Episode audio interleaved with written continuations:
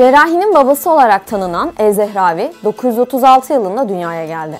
Avrupa onu Abulkasis adıyla tanıdı.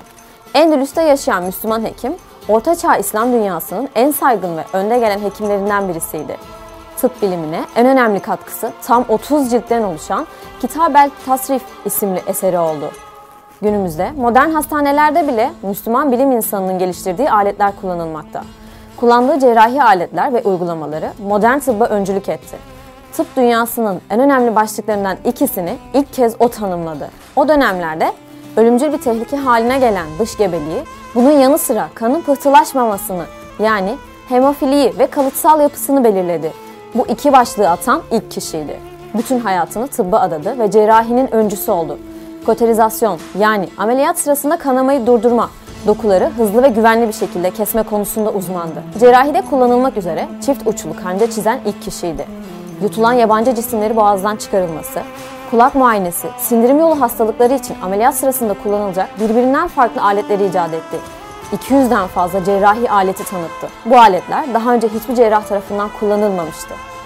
50 yıllık tıp eğitimini aktardığı 30 bölümden oluşan eserini 1000 yılında tamamladı. Diş hekimliği ve doğumun da dahil olduğu oldukça geniş bir yelpazede tıp anlattı.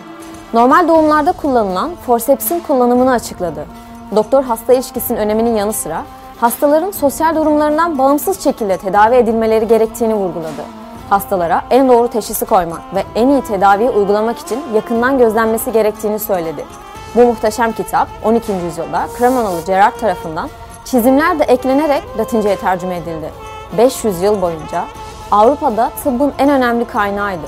Zehravi'nin yazdığı kitap Fransız doktor Ambroise Pare'den 600 sene önce damarların nasıl bağlandığını gösteriyordu. Diş hekimlerinin kullandığı bazı cihazların kaydedildiği ilk eserdi. Temporal arter ve migren arasındaki bağlantıyı cerrahi prosedürde anlatan ilk doktordu.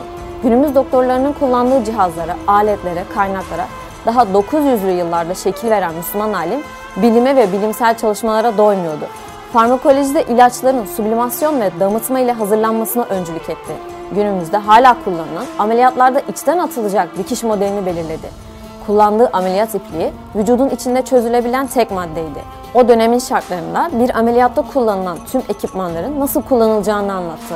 Ve bu ondan sonra yüzyıllarca cerrahlara yaptıkları ameliyatlarda ışık tuttu. 14. yüzyılda Fransız cerrah Guy de Chauliac, Müslüman doktoru şüphesiz bütün doktorların şefi diyerek anlattı. Cordoba'da yaşadığı sokağa onun anısına Kale Abul Kasis adı verildi. 6 numaralı eve İspanyol Turizm Kurulu tarafından bronz plaketle Zehravi'nin yaşadığı ev yazıldı ve korunmaya alındı. Ölümüne kadar hem teorik hem de pratik olarak tıp üzerine çalışan, buluşları ve çalışmalarıyla günümüz doktorlarına kaynaklık eden El Zehravi 1013 yılında vefat etti.